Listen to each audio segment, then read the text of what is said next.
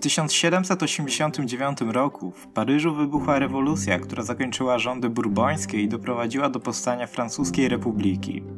Jednym z najważniejszych momentów rewolucji było zdobycie przez lud paryski Bastylii, która była uważana za symbol tyranii i ucisku królewskiego.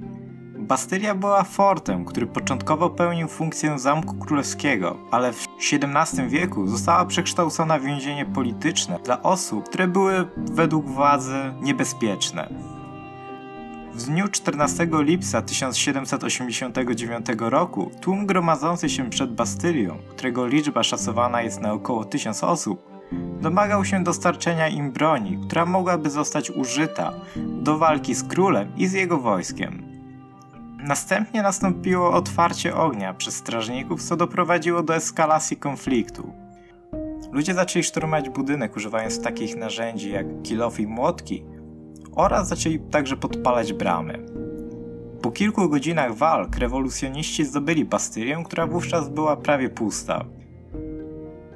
To wydarzenie było punktem zwrotnym w rewolucji francuskiej, ponieważ doprowadziło do przyspieszenia procesu zmian politycznych i społecznych, które prowadziły do upadku monarchii i powstania republiki. Dzień 14 lipca jest dziś uważany za święto narodowe we Francji i obchodzony jest jako Dzień Bastylii z celu upamiętnienia tego ważnego momentu w historii kraju.